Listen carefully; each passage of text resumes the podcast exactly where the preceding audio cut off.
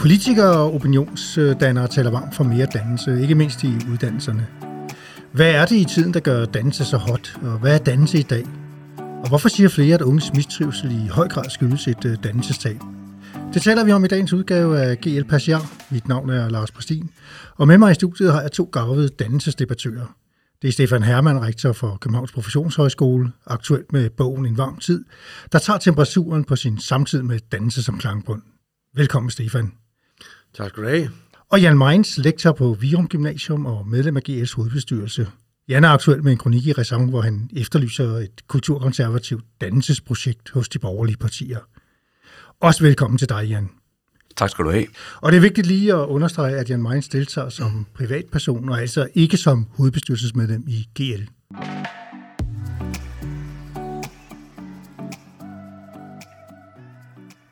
Jeg vil godt lægge ud med at prøve at komme på sporet af dannelsesbegrebet, og, og egentlig bede jer om at præcisere, hvad I hver især forstår ved dannelse i dag. Stefan, vil du lægge ud?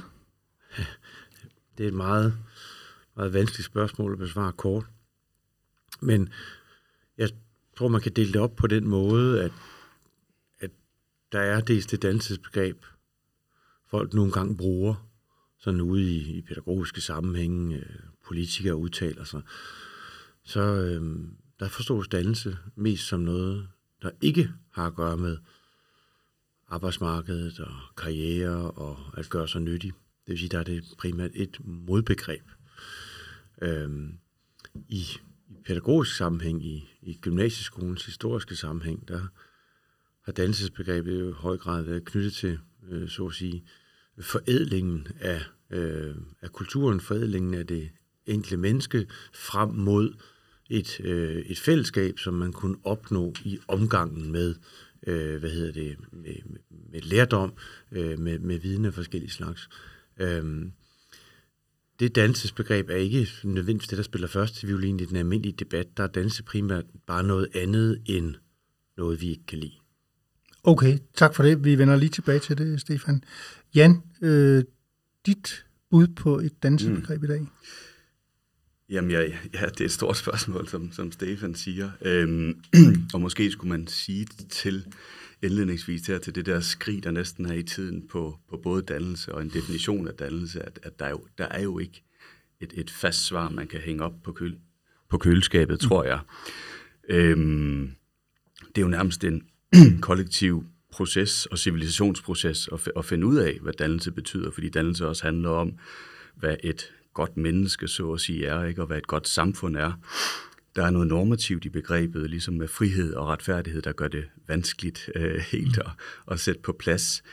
Øhm, og man finder jo alle mulige forskellige svar, alt afhængig af, hvor man kigger hen øh, hos Klafki og Kant og Hegel og andre. Øhm, men jeg synes godt, man kan prøve at se på både, hvad nogle autoritative positioner mener, når de siger det, og så også på, hvad vi egentlig mener, når vi, når vi taler om dannelse, og, pr- og prøve ligesom at, at udhæve nogle mønstre.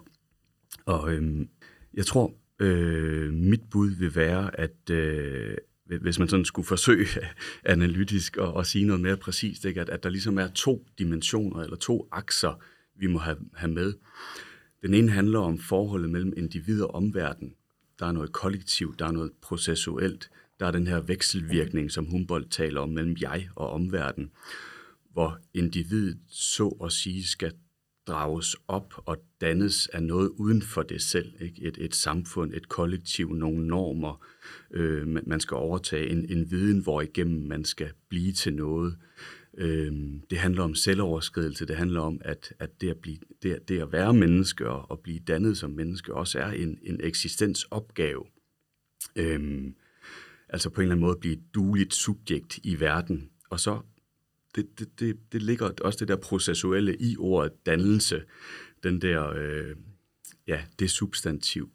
Men vi kan også tale om at være dannet, altså et dannet menneske som adjektiv, hvor det handler mere om, hvad der så mere substantielt er inde i individet. Øhm, øh, karakterdannelse er der også nogen, der taler om, øh, og der som, som jeg, hvis man sådan ligesom prøver, det vil være mit bud på en sammenfatning af det, der ligesom er ude at gå fra mm. nyhumanismen i slut 1700-tallet og frem. Ikke at jeg kender alle, alle tænker, men i, i hvert fald nogle af de store, ikke? så vil jeg sige det der med, at, der, at, der, at som jeg ser det, der, der, at der ligesom skal være tre ting med, for at vi kan tale om et dannet menneske. Det ene er noget med, at man skal være selvstændig. Vi siger også, at man skal være myndig, øh, ligesom have overtaget ansvaret for sit eget liv og valgt sig nogle værdier og nogle livsprincipper osv. Øhm, man skal også på en eller anden måde være nuanceret. Ikke nødvendigvis nuanceret tænkende, også gerne det, men, men have, have, have en nuanceret forhold til verden. Øh, det er også noget emotionelt. Det er noget med, hvordan man øh, tilgår ting og så videre. Hegel, som jo er en af de store også i, i grundlæggelsen af, af sådan Bildung-begrebet og så videre, han har en fantastisk tekst, synes jeg, fra en lille avistekst fra 1807, der hedder Hvem tænker abstrakt? Og der leger han egentlig lidt med ordene, men hans pointe er, at den uddannede er den unuancerede, mm. den, den der mm. forsimpler mm. verden og ikke forstår verden, den der, hans eksempel er den her morder, der bliver ført ned igennem gaden, og menneskene står og kigger, og de uddannede, de tænker bare, morder, mm. idiot, slemme menneske. Den dannede ser konteksten, og ser øh, hans øh, morderens sørgelige livshistorie osv. Så, ikke? så det her med at tænke nuanceret skal også med. Og så den tredje, det vil jeg sige, det, det er noget med at være ansvarlig. Det er noget med at være socialt ansvarlig. Og det har også noget med, med vores kristne historie at gøre, men også i, i nyere moderne tid, vores, vores, vores demokrati, mm. som jo har som en grundværdi, at vi er lige meget værd, ikke? Øh, og at vi derfor skal øh, respektere hinanden og så videre, ikke? tage ansvar for, for det fælles. Jeg tænker nogle gange lidt på øh, Erasmus Montanus, hvis man skulle prøve at konkretisere det her, øh, som mange gymnasielærer jo også læser med deres elever, som har fået en, en revival på mange måder. Altså, hvor man kunne sige, han er måske lidt selvstændig, det er han faktisk ikke helt ved at sige, fordi han tænker meget på, hvad hans filosofiske makker på universitetet tænker om det, han gør. Men han er jo, og han er måske, han er i et eller andet omfang teoretisk klog, men han er jo ikke nuanceret. Når han skal diskutere med sin bror Jakob, så kan han egentlig ikke rigtig klare det, fordi Jakob, som ikke har læst på universitetet, man behøver ikke at have læst på universitetet for at blive dannet i øvrigt, øh, han er egentlig stærkere end ham argumentatorisk, og han er jo slet ikke socialt ansvarlig. Så det kunne være en måde at tænke det på, ikke? Og ligesom jo. vi ikke kan kalde en, en røver eller en tyv eller andre for socialt ansvarlige. Altså der er nogle normer, der ligesom bestemmer det. Så ja, det, det vil være mit bud, at der er de to akser. De to akser, ja. Og, og, og, og i virkeligheden er det jo også lidt af det, jeg hørte dig sige, uh, Stefan, når du snakker om at forædle det enkelte individ øh, til at kunne være en del af fællesskabet og kunne overskride sig selv. Men du talte også om, at der var en, øh, en lille, øh, hvad skal man sige, en, en, en anden udlægning af dannelsesbegrebet, som retter sig mere mod øh, erhvervslivet, arbejdsmarkedet, arbejdslivet. Øh, hvis du sådan skulle ultrakort sige noget om bevægelsen i dannelsesbegrebet de sidste 5-10 år, hvor ligger det så i forhold til den del, du tog fat i til at starte med? Det er en meget god gennemgang, som øh, Jan giver. Jeg tror, at man kan sige, at det, jeg egentlig prøvede at påpege, det var, at vi har en, en, en, en slap, en vattet, en, øh, en unuanceret omgang med dannelsesbegrebet. Fordi mm. vi bruger det bare som modbegreb på konkurrencestat, djøfisering, orientering mod erhvervslivet. Øhm, og det peger jo hen på det forhold, at vi står i en konjunktur, hvor vi har faktisk haft svært ved at bestemme dannelse hvornår, hvornår begynder vi så stille og roligt, så småt at få svært ved at bestemme, hvad det der dannelse er for noget? Ja, det gør vi jo øh, post 68, øh, efter den kulturelle vækkelse, som splindrer øh, forudgivende autoriteter, nogens myndighed til at sige, dette er den bedste tekst. Mm-hmm. Dette er den, I skal læse. Dette udgør øh, noget vigtigt i dansk kultur. I skal ikke læse reklametekster, I skal ikke læse knækpose, I skal ikke læse det der, I skal læse det der den kulturelle vækkelse, som spænder de der autoriteter og fastheder, den kommer ikke mindst indefra. Det vil sige fra det pædagogiske Danmark, fra gymnasieskolen selv. Den kommer ikke primært fra myndighederne. Den kommer selvfølgelig som en del af en bredere kulturel strømning og frigørelse, men den er også i høj grad pædagogisk. Altså det udvidede tekstbegreb og fagkritikken osv., osv., osv., var ikke noget, man fandt på i ministeriet. Så det vil sige, at første svækkelse af en fælles dannelsesforståelse er i høj grad øh, kulturel, den er i høj grad skabt nedefra. næste svækkelse af en fælles dannelsesforståelse knytter sig til, øh, hvad hedder det, omfunktioneringen, instrumentaliseringen, konkurrencestaten, etc. etc. Ikke? Nå, de to typer af pres, tror jeg, det er vigtigt at få med, fordi at dansestænkere i dag har en tendens til ene og alene at pukke på arbejdsmarkedstænkning, at pukke på, hvad hedder det, instrumentaliseringen og styringen, som udgrænser dannelsen og det hele menneske og øh, dets myndighed osv. Øhm, så det tror jeg er vigtigt at få med.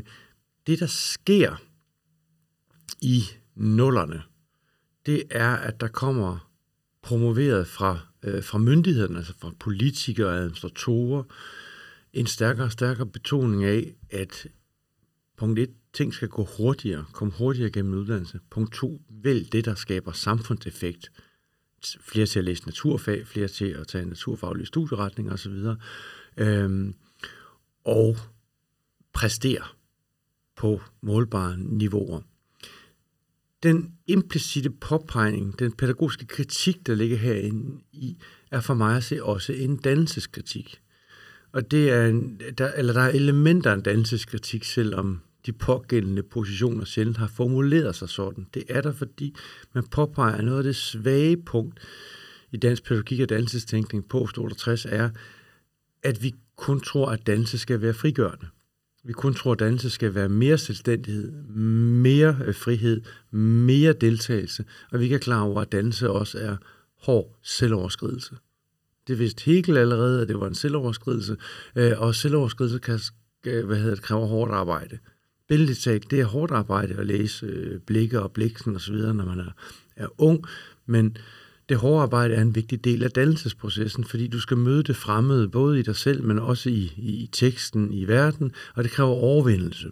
Og, men, nå, det var for at sige, og det, og det jeg opfatter en del af, af så at sige, øh, myndighedskritikken, øh, konkurrencestatskritikken, teknokraternes kritik, og som kritik af det, som Bertel Hård har kaldt den kærlige slaphed i øh, den pædagogiske tænkning og dannelsestænkning. Men Stefan, er der nødvendigvis øh, en modsætning mellem øh, ambitioner og målsætninger om den frigørende øh, øh, bevægelse og så det hårde arbejde? Nej, overhovedet ikke, og det er det, der er min grundpointe, det mm. er, at når vi diskuterer dannelse, så er vi nødt til at diskutere dannelse som en forpligtelse. Os, der arbejder med skole og uddannelse, læreprocesser, har også med hinanden, og at vi umyndiggør os selv i et vist omfang, hvis vi stiger os blinde alene på bekendtgørelsers betydning, taxametersystemers betydning, selvejes betydning, som noget, der har ødelagt dannelsen. Vi er nødt til også at kigge på, hvordan forvaltede vi selv den samtale, den diskussion, hvordan forvaltede vi selv den arv, vi var givet. Og man kan sige, at gymnasieskolen er jo en af de skoleformer, som er givet den fineste arv, fordi du har så knæsat et almen dannelsesbegreb.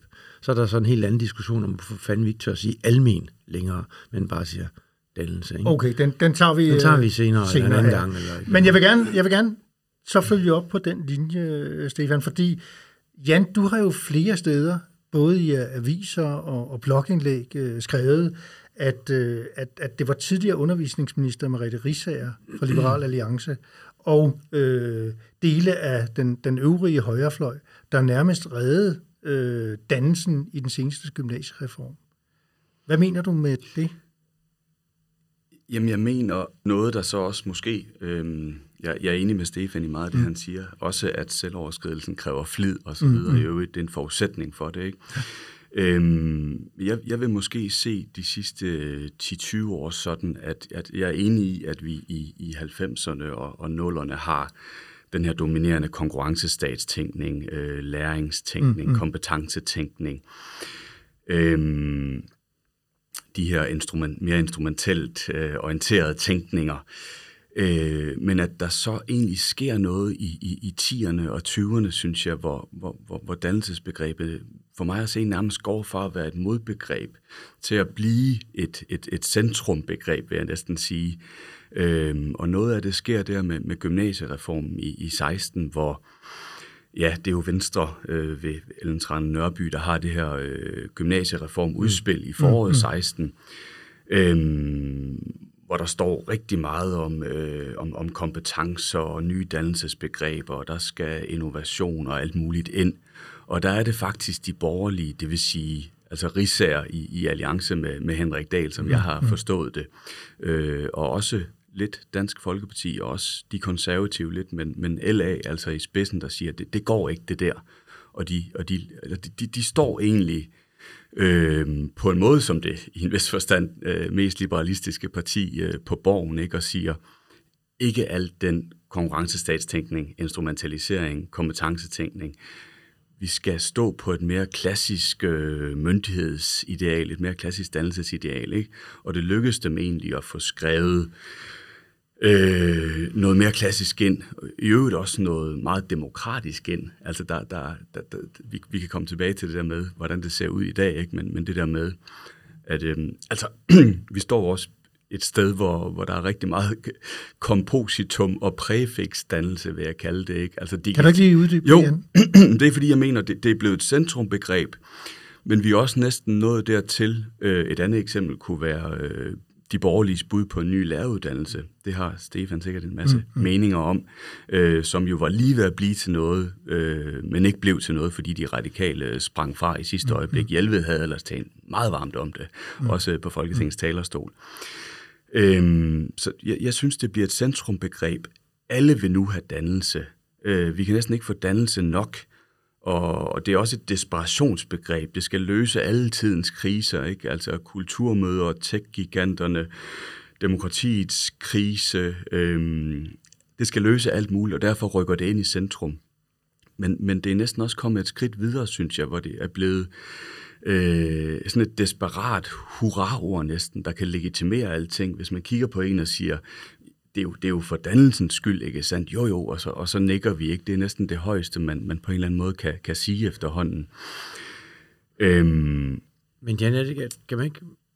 ja, fordi ja. jeg, jeg, sådan historisk set, så kan man sige, så dekonstrueres dannelsesbegrebet, øh, hvad hedder det, bredt i det pædagogiske Danmark i 70'erne og 80'erne. Øh, gymnasielærerne selv voldsomt aktive. Man overtager, det gør GL også, og ministeriet kompetencebegrebet i slut 90'erne og 0'erne udgiver det af, så kommer det først igen med gymnasiereformen i 2003, der, hvad hedder det, der skal virke fra 2005, der kommer det faktisk ind, og det kommer faktisk ind også med en bredere anlagt naturfaglig øh, øh, dannelse. Og demokratibestemmelsen bliver knyttet til gymnasiets formål, hvad den historisk set ikke har været. Det kan godt være, den har været i praksis, men den har ikke været i lovtekster. Så har du den der øh, konkurrencestatskonjunktur, som er stærk i sproget og politiske initiativer.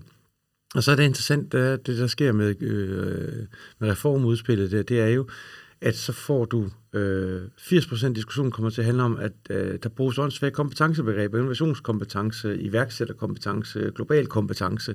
Lad os få noget mere dannelse ind, og så skriver de en helst masse dannelse ind, og så gør de jo det, de ellers ville have gjort. Øh, og så står det store, store del af pædagogisk Danmark og klapper. Det er lidt det samme med læreruddannelsen ny, totalt gennemarbejdet læreruddannelse er lavet. 90 procent af alt det udviklingsgruppens øh, foreslog øh, bliver rent faktisk gennemført, men der bliver flyttet nogle kommaer og skiftet nogle ord i en dannelsesdebat, som så har fyldt 80 procent. Øh, og som så typisk øvrigt ikke øh, nødvendigvis, øh, hvor man ikke har tænkt de praktiske implikationer igennem. Og det er også dannelsesdebatternes problem, det er, at de forbliver i en, undskyld mig, sådan en idealistisk, altså en tysk idealistisk horisont, hvor det alene handler om ordene, og så går vi og siger til en ord skaber virkelighed, men vi, ikke, og vi, vi er ikke stærkt optaget af, om de ord så oversættes til en virkelighed på en bestemt måde, som svarer til det, der er egentlig er viljen med det. Øhm, og det er jo rigtigt nok, at det som, øh, hvad hedder hun, øh, det interessante er, at det, der så sker i den her debat om gymnasiereformen, det er, at anslaget hos Henrik Dahl og Merete er jo kulturkonservativt på mange måder. De er liberale mm. i den der ja. kontinentale øh, forstand. Ikke? Øh, men det, der kommer til at stå mest om, det er faktisk demokrati. Og det er fordi, demokrati bliver det nye almene i, hvad hedder det, i, i vores tid. Det er også det, demokrati er det nye store begreb i alle mm. øh, skole- og uddannelsesformål i, fra 70'erne og frem. Der er demokrati det helt nye. Mm. Øhm, og det sætter sig nu på langt det mm, meste af mm, teksten. Mm, mm. Vil du være enig med mig i, Stefan, at altså, begrebet dannelse, jeg er enig i, mm. det, det er noget, det vi måske kan komme tilbage til, det, det er blevet forplumret på en mærkelig måde. Ikke? Ja, demokratisk dannelse, digital ja. dannelse, verdensborgerlig dannelse, Præcis. innovativ yes. dannelse osv. Ikke? Men, men det rykker ind og bliver centrum og, og, og højeste moralske instans i, i, i det pædagogiske det, Danmark, ja. Og, og, og, på den ene og i det politiske. Bliver det, nemlig det bliver, hvad hedder det, det bliver både sådan en samle muffe, når det handler om, at det kan dannelsen løse Altså, at dele forkerte billeder på nettet, eller det kan dannelsen løse, når det handler om noget andet og noget tredje. Og så bliver det samtidig sådan et sted, som kan opsuge alle typer kritikformer af, hvad der er galt i vores samfund. Så råber vi dannelse, og så når vi går et skridt videre, så siger vi digital dannelse, demokratisk dannelse, øh, hvad hedder det, øh, verdensborgerlig dannelse, eller naturdannelse, eller hvad det kan være. Du skriver i din bog, øh, Stefan, blandt andet, øh, tror jeg, det er et citat fra Ville Sørensen, at sproget afslører, afslører dig, eller afslører den sammenhæng. Sproget ved besked. Sproget ved besked, ja. Er det i virkeligheden med den øh, sørenske øh, tilgang, som man skulle gå igennem øh, de øh, bekendtgørelser og andet, der ligger? Fordi du siger, at man propper jo bare dannelse på nye ting. Øhm, ja, det er det. det jeg, altså, jeg tror, sådan altid en, en god filologisk analyse, eller en god begrebshistorisk analyse, øh, hvad hedder det, øh, kan give rigtig meget. Problemet er lidt, når den kommer til at foregive, at den begrebshistoriske analyse så repræsenterer det, der sker med virkeligheden. Mm. Øh, så går man galt i byen, fordi der har man brug for politologi, sociologi, professionsforståelse, øh, styringsforståelse.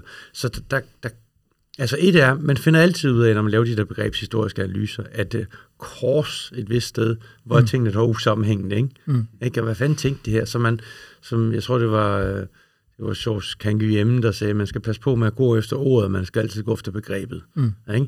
Og derfor skal man altid, man skal passe på med, altså, nogle gange så bruger de et ord som dannelse, man mener egentlig kompetence. Og det er det, man er klar over, hvis man går begrebshistorisk til værks. Mm. Nå, så kan man jo godt se nogle linjer, men man skal være klar over, at der er et hav af inkonsistenser, fordi den måde formålsformuleringer og præambler i aftaletekster bliver til, i et ret knudret øh, hvad hedder det, samspil. For eksempel kom ligeværdighed ind i folkeskolelovens øh, stykke 3 i 1975. Hvor fanden kom ligeværdighed? Var det, var det ud fra sådan en meget etisk eksistentiel betragtning? Nej, det var fordi, at højrefløjen kunne ikke lide ordet ligestilling, som venstrefløjen ville have ind. Så sad de og fandt på noget, så fandt de godt ligeværdighed. Nå, så sådan foregår det også, ikke? Øhm, så det mener jeg bestemt, vi skal lade os op være optaget af, men vi skal også være klar over, at oversættelserne ud i øh, undervisningen eller ud hos eleverne eller studerende er meget lang. Mm. Altså nogle gange går det faktisk også den anden vej, hvis man, hvis man, hvis man skal læse dem, så at sige, retfærdigt. Ikke? Altså mm. det der med digital dannelse, øh, eller digitale kompetencer hedder ja. det også. ikke. Altså hvis man går ind og nærlæser de der dokumenter, så, så handler det egentlig om dannelse, ja. at de skal kunne forholde sig eleverne kritisk til livet på det digitale og så mm, videre. Ikke? Mm. Altså, det er egentlig også en dannelsestanke, der ligger mm. i det. Og, altså, så, I virkeligheden mere end en ja, kompetence. Ja, Jamen, jamen, altså, det, det, det er i hvert fald forplumret, ikke? Ja, øhm. ja. Tak skal du have, Jan. Øh, det, jeg godt lige vil videre til, det er jo noget af det, du bruger øh, en del øh, tid på i din bog, Stefan. Din bog, den seneste debatbog, En varm tid, hvor du faktisk taler om, at der mangler noget i dannelses begrebet, eller i hvert fald noget, du kalder almen naturdannelse. Øh, hvorfor er, hvad er det egentlig, Stefan? Men først lidt om, hvorfor altså, ja. det mangler. Der kunne jeg give et billede på det. Altså, det, det er sådan helt åbenlyst for en hver. Øh, stort set, at det er helt til grin. Ikke at vide, hvem Karen Bliksen er, eller hvem Hus Andersen er. Men det er på ingen måde til grin ikke at vide, hvad en vibe er, eller hvad en ryle er, eller øh, kende forskel på træer og planter osv. Det, det er sådan et eller andet sted. Det synes vi er ret naturligt. Øh, det fortæller jo lidt, at vi har en enorm stærk betoning af vores forhold til os selv og vores forhold til hinanden i vores dannelsesforståelse. Og at natur indgår egentlig ikke som et, et hvad hedder det, den ydre natur indgår ikke som et, et stærkt moment i øh, vores, øh, vores dannelsesforståelse. Og Og derfor har været øh, naturfagenes fortaler har også altid været dansk industri, ikke dem, der kunne knytte naturfagene til vores beherskelse af naturen, til vores øh, hvad hedder det, udnyttelse af naturen. Mens dem, der har øh, orienteret sig mod dannelse, orienteret sig mod historie, billedkunst, ikke mindst litteraturen, øh, men jo også i nyere tid, navnlig samfundsfag øh, og øh, discipliner, der knytter sig til den måde, vi ordner de menneskelige forhold til hinanden, nemlig demokratisk. Og det, jeg påpeger, det er, det er, at det har en kæmpe blind vinkel. Det, er en humanistisk blind vinkel. Og det er, at den glemmer, at det, der er på spil i dag, det, der er klafkisk i pokalen nøgleproblem i dag, det er vores forhold til naturen. Mm. Og det er, det, det er jo det, som de borgerlige slet ikke kan finde ud af at håndtere, selvom de burde have det bedste forhold for at håndtere det, fordi de, i første modernitetskritikere, de er jo, de er jo hammerne konservative og borgerlige, Thoreau og alt muligt mm. andre tilbage i 1800-tallet. Øhm, men det kan vi ikke finde ud af at give sprog og mail i dag. Øhm, og det skyldes jo punkt et, at vi lever afsondret fra øh, den ydre natur langt de fleste mennesker. Det vil sige, at vi gør os ikke erfaringer med den. Vi har masser af oplevelser i naturen, når vi spænder rundt på den på vores mountainbikes. Eller, øh, altså det er naturen som hoppeborg, ikke? men vi har heller ikke noget begreb om den. Det er derfor, vi ikke aner forskellen på en vibe og en ryle. Ikke? Og endelig, så, så, så kan vi ikke finde ud af at, øhm, at få et, jeg vil ikke jeg ved ikke, om Løstrup vil nok ikke kalde det et etisk forhold til den, men vi kan ikke finde ud af, at vi selv er en del af den, og dermed er vi også nødt til at holde lidt af den. Mm. Ikke? Øh, og og det, de tre ting er et godt øh, tegn på, at det indgår simpelthen ikke i vores, øh, vores dannelsesforståelse. Øh, og det tror jeg, at det er nødt til at gøre. Mm. Øh, og det er der en enorm rigdom i at gøre. Men det, øh, men det, kan vi ikke, øh, det kan vi ikke finde ud af. Og mm. I kan også se, at alt, alt naturpolitik i dag, det bliver til klimapolitik, det bliver til spørgsmål om afgifter, forskningsinvesteringer, teknologi, flere elbiler, højere vindmøller, en ny ø. Det bliver ikke også til spørgsmål om, at vi er nødt til at forstå, at vi er indfældet i den der natur. Men i forhold til de gymnasiale uddannelser, kan man jo sige, at øh, forholdet til naturen og, og klimaet er en del af formålsparagrafen. Øhm, i, i, I gymnasielovens kapitel 1, stykke 4, der står blandt andet, uddannelsen skal have et dannelsesperspektiv med vægt på elevernes udvikling af personlig myndighed. Eleverne skal derfor lære at forholde sig reflekterende og ansvarligt til deres omverden, medmennesker, natur og samfund, og til deres egen udvikling. Præcis. Jan, øh, hvis du ser på, på, på Stefans øh, forslag her om, om at styrke naturdannelse, og, og ser på formålsparagrafen her på det her område i, i gymnasieuddannelserne, øh, mener du, hvad, hvordan ser du så på det? Altså, er, er, er formålsparagrafen stærk nok, som den står i dag? Øh? Jeg, jeg synes egentlig, selve formålsparagrafen er stærk nok. Jeg, jeg, jeg har også taget den med her, men nu læste du den så fint.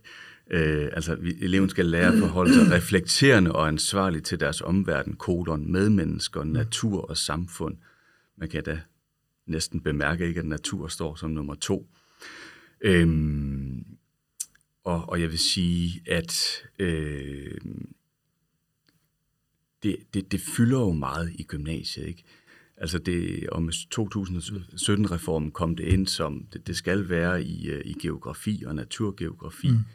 I samfundsfag også faktisk har vi, øh, altså helt ned på C-niveau, øh, er der noget om, skal der være noget om bæredygtighed som, som, som et af de økonomiske mål, ikke? altså at vi behandler naturen bæredygtigt, øh, og vi dyrker det jo, og kan dyrke det i, i alle fag, vil jeg sige, og gør det rigtig meget. Øh, men du spørger, om, om jeg er tilfreds med selve formålsparagrafen. Til, til det vil jeg sige ja. Øh, og, så, og så vil jeg sige, at jeg, jeg er jo enig med Stefan i, og jeg synes, det var meget øh, opløftende og, oplysende at læse øh, de der ting i hans mm. bog. Afklarende og gode eksempler osv. Ikke? Altså at vi i 25 år, 100 år har, har forstået dannelse som noget, der handler om, om individets selvforhold ikke? Og, og forholdet mellem mennesker øh, og ikke så meget naturen, og det, det, det, det skal da med på en eller anden måde, ikke? Mm. Øhm, jeg vil så sige, til selve dannelsesbegrebet, altså jeg, det er ikke fordi, jeg har noget voldsomt imod, at man taler om naturdannelse, men, men jeg, jeg, jeg vil sige sådan helt på en måde principielt vil jeg nok hellere tale om, om dannelse eller almen dannelse, øh, og så sige, at den skal opøves igennem en forståelse for naturen og en viden om naturen, fordi det ligger i dannelsesbegrebet, også som jeg prøvede at se det før, ikke? At, mm. at, at vi skal være ansvarlige og socialt ansvarlige, og også ansvarlige over for naturen. Øhm, men det er klart, altså et godt eksempel med, med bliksen versus en ryle, ikke? Altså det, mm. det er jo rigtigt, og der er sket noget der. Øhm, så vi, altså eleverne skal da have en viden om naturen, men, ikke? Men, jeg, også for at forstå, ja. hvordan man, vi skal hvordan vi er indfældet i den, som Løstrup siger, ikke? og hvordan vi skal omgås med den. Ja. Men det er fordi, min, min pointe er egentlig, at, at, at formålsparagrafen er fin. Altså også, jeg nævner, at gymnasieskolen er sted, det gør det også, ja. hvor det dog står. Men det, der er interessant, det er, at når vi siger dannelse, så er det ikke det første, det resonerer på. Så resonerer dannelse på historieundervisningen, på at vi er gode til at diskutere med hinanden, og vi er nuancerede i forhold til hinanden, og vi kan forstå hinanden. Øhm, og, øh, og hele den, altså dannelsesbegrebsforvaltninger nowadays kommer jo via, øh, hvad hedder det, også ikke mindst via en woke-bevægelse, øh, eller en rød wokeism, som jeg kalder det, hvor at jeg savner, at øh, kan vide, om den ikke skal se sig far en grøn wokeism. Ikke? At, vi får, at vi får faktisk får en ny vækkelse, som ikke handler om, at sige, at det er så naturdannelse side om side med demokratisk dannelse, men faktisk handler om at sige, at naturen må, må vi igen gøre til en del af det almene. Mm. Uh, fordi demokratiets største problem, det er jo naturen mm. i øjeblikket. Ikke? Ja, men, men Stefan, det, det, det er øh, en del af den debat, der så også er i gymnasiesektoren, mm. er jo om, om, om, om, om, om, om, om, hvad skal man sige, klima og natur skal skrives ind direkte i de enkelte fags læreplaner. For altså, guds skyld ikke klima, nej. men natur. Ja.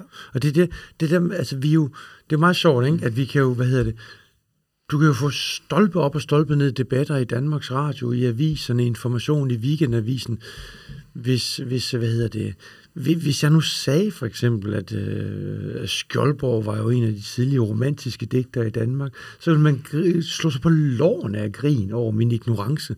Men det der med, at vi, vi tror, at klima er natur, det er jo latterligt. Klima har at gøre med atmosfæren. Så er der noget, der hedder biosfære, og så er der en oceanosfære. Mm. Ikke? Altså, eller på, på jævn dansk, ikke? Altså, øh, til lands, til vands, til os jords, ikke? Altså, eller, eller hvad hedder det, øh, og så videre.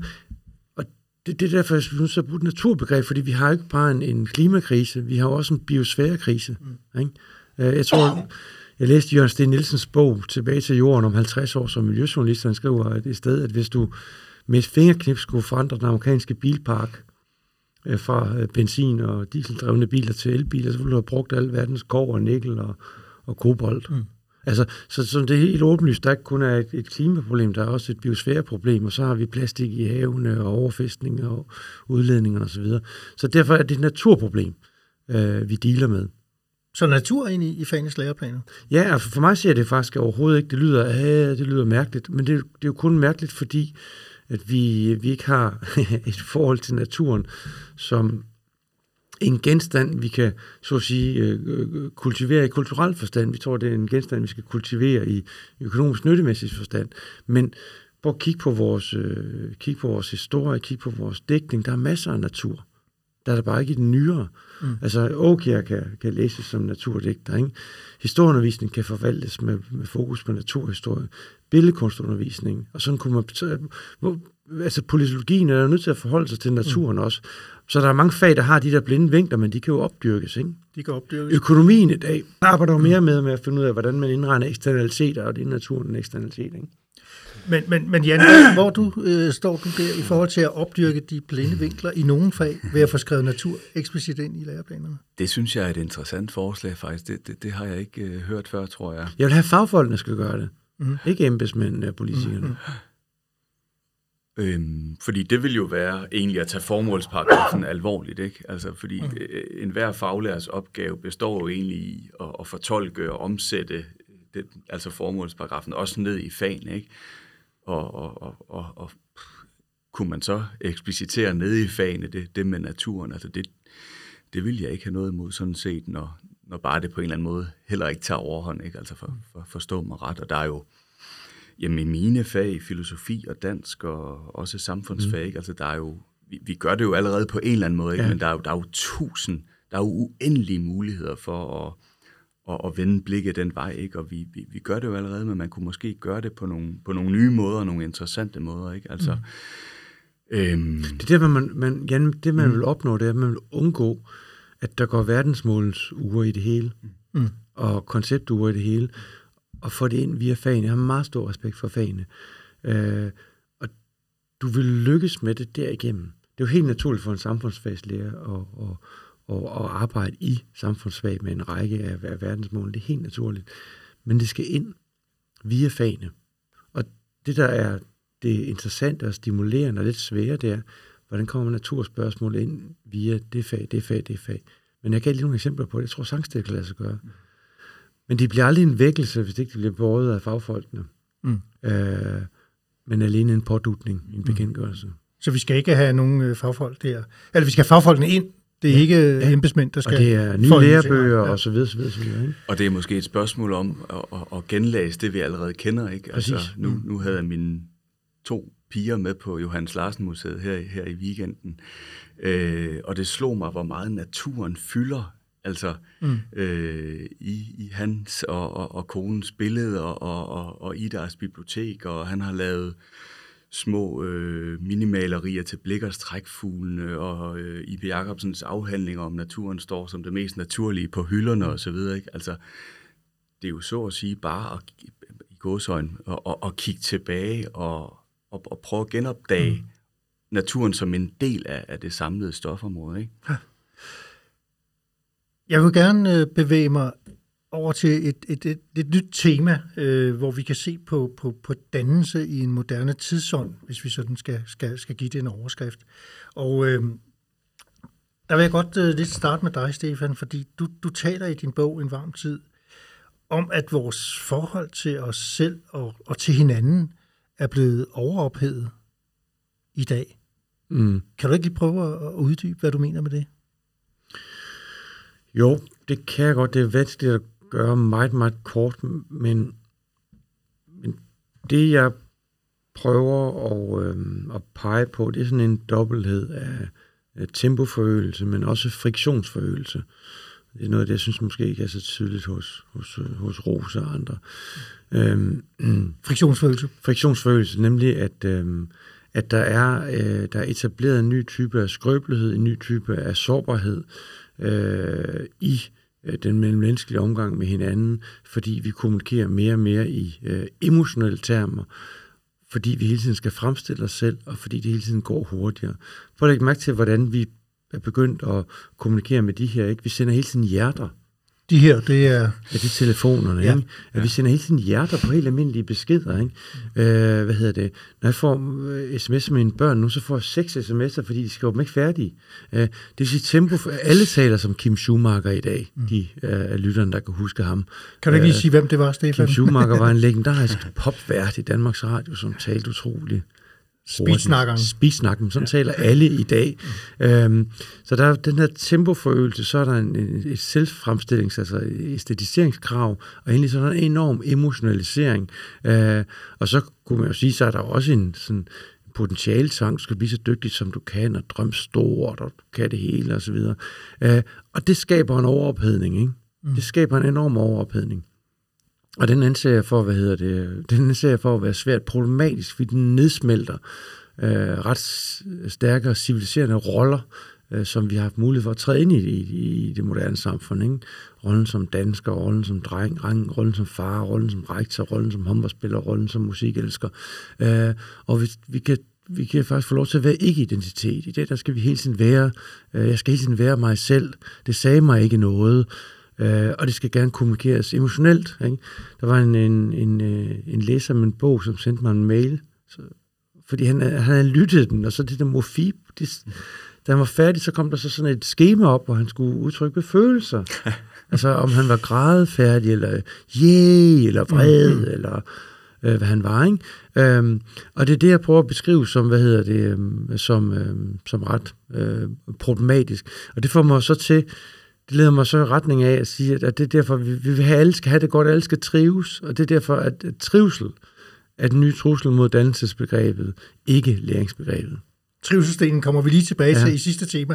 Men jeg kunne godt tænke mig, øh, tak Stefan, jeg kunne godt tænke mig lige også, øh, Jan, øh, at tage fat i det her omkring, øh, omkring tidsånden, fordi øh, du skrev blandt andet i, i, i 2020 i din anmeldelse af, af Risagers bog, tidligere undervisningsminister Marit Risagers bog Selvbyggerbørn. Og jeg citerer, går vi tilbage til bare startnullernes gymnasium, var der ingen computer i undervisningen. Man tog noter i hånden, læste kun papirbøger. Danskfaget var mest litteraturhistorie og og et utal af mesterværker. Læreren var en autoritet med overskud, der formidlede viden. Citat slut. Øhm, også ud fra det, Stefan siger her med, med, med, med hurtigheden, accelerationen, det der skete. Så vil jeg godt spørge dig, har, har læreren i dag mistet sin, sin autoritet i, i gymnasieskolen? Ikke som sådan, og ikke fuldstændigt, og det er måske også øh, lidt spidsformuleret og små idylliseret det der, ikke? Men, men, men der er der sket noget, det vil jeg sige. Altså både en masse kulturelt, som er noget af det, jeg synes, øh, Stefan er god til at pege på. Øhm, Altså også øh, mo- mobiltelefoner i klassen, mm. ikke? Og, og computer og øh, nogle bredere samfundstendenser, ikke? der indebærer, at, øh, at voksne ikke har samme autoritet. Ikke? Og i, i klasseværelset er autoritet noget, man skal præstere sig til. Ikke? Og også når man træner øh, nogle små øh, piger til fodbold som mig, ikke? Altså de, de, hvis man kalder dem sammen og siger, nu skal I lige høre efter øh, til de, høre, høre på de her beskeder, så er det ikke noget, de bare lige gør. Altså, så, de, de vil meget gerne forhandle og tale og, og sige noget hele tiden. Ikke? Altså, der, der er der sket noget alt muligt øh, socialt der bredt. Øhm, så er der også sket nogle ting, jeg synes, de voksne, så at sige, selv er skyld i. Altså, øh, som jeg synes, Risse har godt fat i. Jeg synes også, en som Dorte Ågaard har, har godt fat i det, hun, hun beskriver jo mere præcis mm-hmm. det der med, hvad der sker med det digitale, hvornår det kommer ind. Ikke? Det sker lidt senere ja, ja. I, i nullerne. Og sådan Men hvad, hvad er det, de voksne selv er skyld i? Jamen, at vi også, tror jeg, er bange for at være autoriteter nogle gange. Mm. Ikke? Øhm, som jeg ser det lidt, lidt, lidt bredt firkantet. Altså, vi, vi, vi er ikke meget for at stille hårde krav altid. Øhm, vi er ikke meget for øh, at, at, at, at dumpe elever, eller øh, nogle gange smid, smid, det lyder så voldsomt, ikke smide elever ud, hvis det er det, der skal til. Øhm, simpelthen kræve noget. Vi, vi er bange for at kede eleverne. Og der, der tror jeg, at øh, altså der, der, der, der, der, der er også noget politisk, øh, der, der er på spil, der er noget politisk styret. Ikke? Altså jeg vil sige, da jeg tog pædagogikum øh, for, for snart 10 år siden, der, der lærte man jo hele tiden, at man skulle sekvensere modulerne helt vildt, ikke? og man måtte ikke, man måtte ikke som lærer stå og tale alt for længe. Altså det var jo et opgør med det, man kaldte tankpassemodellen, ikke? og jeg tror mm. måske, det opgør var for dybt. Man slog tankpasseren lidt for meget ihjel, ikke? altså man må næsten ikke træde frem som en lærerautoritet. Og det er jo, det har jo, det har jo, det er jo en stor diskussion, som har noget med lærerrollsynet at gøre, mm. så ved jeg ikke mere jeg, jeg tror jo på, og det er jo, jo også noget det, øh, Dorte Aagaard er inde på i sin bog, ikke? At, øh, at vi skal have lidt mere lærerstyring tilbage. Vi skal tro på læreren som en, der faktisk kan træde frem med en viden og, øh, og, og, og forhåbentlig inspirere og engagere, også igennem sin i hvert fald faglige autoritet. Ikke? Og som også kan sige, læg de der mobiltelefoner og væk. Også det. Øh, altså det, er det det, hun siger, ikke? Øh, det, det siger ja. hun også, ikke? Altså, vi, vi skal ture, og vi, vi skal begrænse det. Mm. Børnene, eller de unge, kan ikke selv styre det, ligesom mm. vi voksne næsten heller ikke selv kan, men, vel? Altså, vi, vi, vi er nødt til at tage den rolle på os. Det tror det, jeg er rigtigt. Men der, jeg er meget enig med det, som vi angiver udtryk for. Men, men jeg tror igen, vi er nødt til at forstå øh, truslen mod læreren som myndighed, som kommende to steder fra. Og jeg synes også, du mm. peger på det igen. Det eneste, der kommer fra, det er vores egen frygt for at være autoriteter. Det var jo faktisk lidt det, du var inde på i starten. Ja, selvom vi er autoriseret mm. Mm. gennem en lang uddannelse, et fantastisk formål, en rig tradition, relativt godt finansierede institutioner, næsten myndige væsener, der er derovre, så er vi autoriseret, men vi har svært ved at tage den på os det kan man sige, det er også professionens eget problem. Øhm, og det, der er det helt særlige her, det er jo, at alle dem, der stort set er tilbage i det pædagogiske Danmark, en kasu, gymnasieskolen, er vokset op med, at man ikke kan være en autoritet. Alle, der underviser i dag, er stort set vokset op post-frigørelsen. Ikke? Så spørgsmålet er her ikke, hvordan du overtager det, din far gjorde, det din lærer gjorde, dem der var født i 30'erne og 40'erne og 50'erne. Spørgsmålet er, hvordan du genopfinder en rolle, du måske knap nok har set.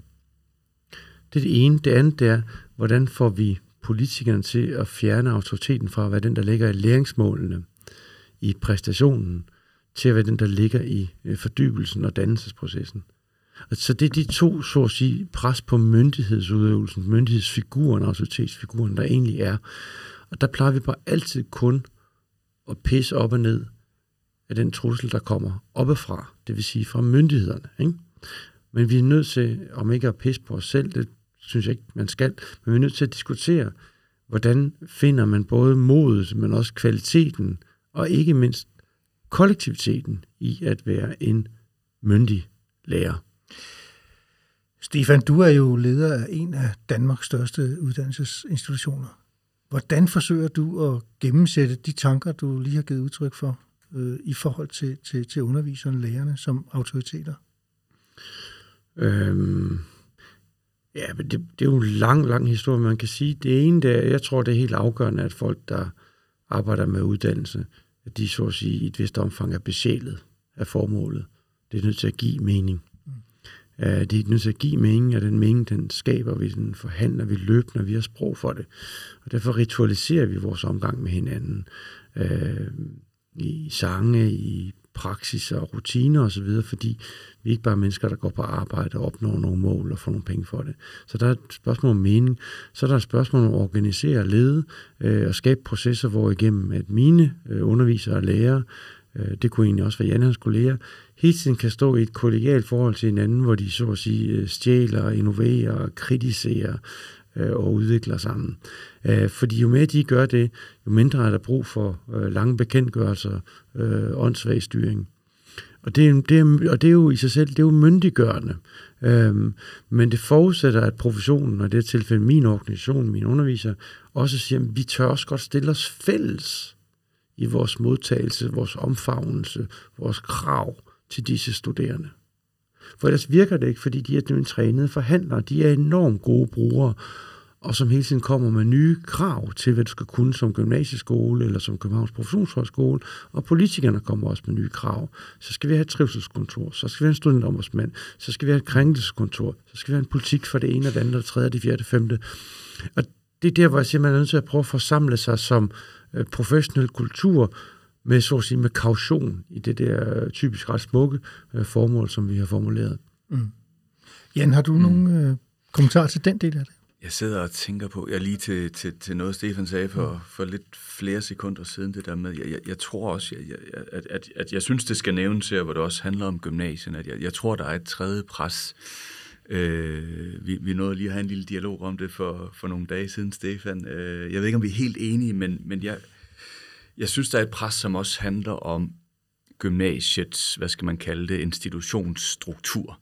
Altså, vi, vi, vi får selvejet i 07, vi får taxametersystemet i 08, vi får øh, OK13, der giver rektor mm. fuld ledelsesret.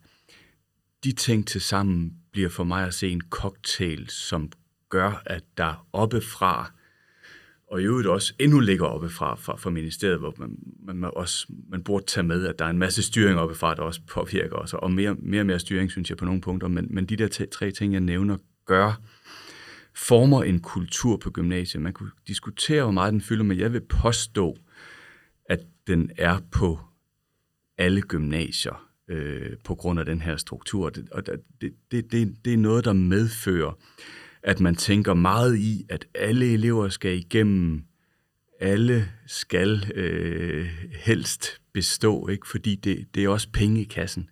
Men, øhm, men, altså, betyder det så, Jan, at, at, at, at, at det system og den organisering mm.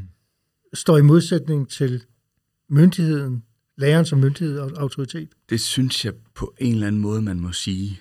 Mm. Øhm, det, det, det, er jo, det, er jo, det er jo meget svært at afdække det her. Ikke? Det handler også om magt og, og kultur og, og, og interesse og måske også noget ubevidst. Men øhm, jeg tror, der er mange, der ikke bare lige giver en dumpe karakter, selvom det måske ville være på sin plads. Ligesom som jeg sagde, det er meget sjældent, at, øh, at, at elever bliver smidt ud. Det er jo heller ikke noget, vi skal rende og gøre, men altså, der, der, vi kender jo alle sammen eksempler og så videre, mm. ikke?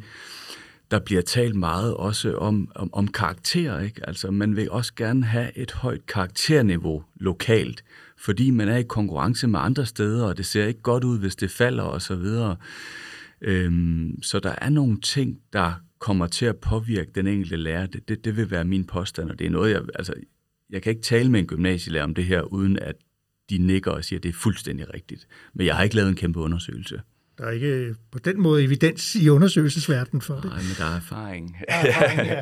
Stefan, som leder det, genkender du nogle af de her træk? Ja, det gør, der er ingen tvivl om moderniseringen af øh, uddannelsesinstitutionerne her, når selvejegørelse, taxameterstyring, øh, øh, resultatkontrakter, øh, alle mulige andre ting. Øh, betyder noget øh, for den faktiske hverdag, og nogle normer, der gør os gældende. Øh, det, det er der ingen som helst tvivl om. Men det, man skal passe på med, både i analysen, men også når man står der som gymnasierektor eller gymnasielærer, det er at, øh, at overdeterminere både analysen, men også øh, de praktiske implikationer. Hvad mener du med det? Jamen, det kommer nu. Mm. Øhm, det jeg mener, det er, at der kan være en tendens til, at vi stiger så meget på taxametersystemet selvejet, at vi simpelthen ikke har blik for, hvad for nogle fortolkningsfriheder vi også har, hvor øh, lidt indgribende tilsynet egentlig er. Bum, bum, bum. Og det betyder så, at de praktiske implikationer, de bliver for store. Jeg siger for eksempel, at alle, jeg vil tro, at alle undervisere på KP ved, at der har fri licens for rektor til, at de må aldrig nogensinde tænke et sekund på andet end faglige og pædagogiske øh, formål, når de underviser og når de eksaminerer. Økonomi må aldrig spille en rolle. Så, må sige, så, så siger jeg, jeg skal nok tage mig af den del, der handler om økonomien. I skal tage af den del, der handler om at leve op til undervisningens formål. Basta færdig. Og det er jo for at sætte dem fri til at kunne være øh, myndige autoriteter øh, og dumpe nogen, smide nogen ud, øh, øh, håndhæve det her med mobiltelefonerne, eller hvad pokker det nu kunne være. Øh, så, så det er jo der, hvor jeg siger, det er jo der, hvor samfundet ligesom har sat en rektor ind til at sikre, at institutionen, selvom vi har valgt den her styring frem for en anden, kan forsamle sig om sin opgave. Så ved jeg godt, og der tror jeg, det er også lidt værre på jeres område måske, øh, ja, det ved jeg sgu ikke, men så ved jeg selvfølgelig godt, at, at, at der er jo også ting, det betyder.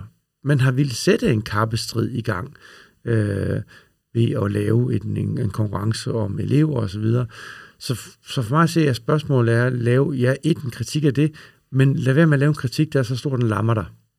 Mm. Mm. Øhm, så det er vel egentlig det, jeg prøver at, øh, at hæve det, og så, så jeg synes der er altid den der udfordring med vores, når vi laver systemkritik, at vi har en tendens til at altid synes, at i går var, rigtig godt.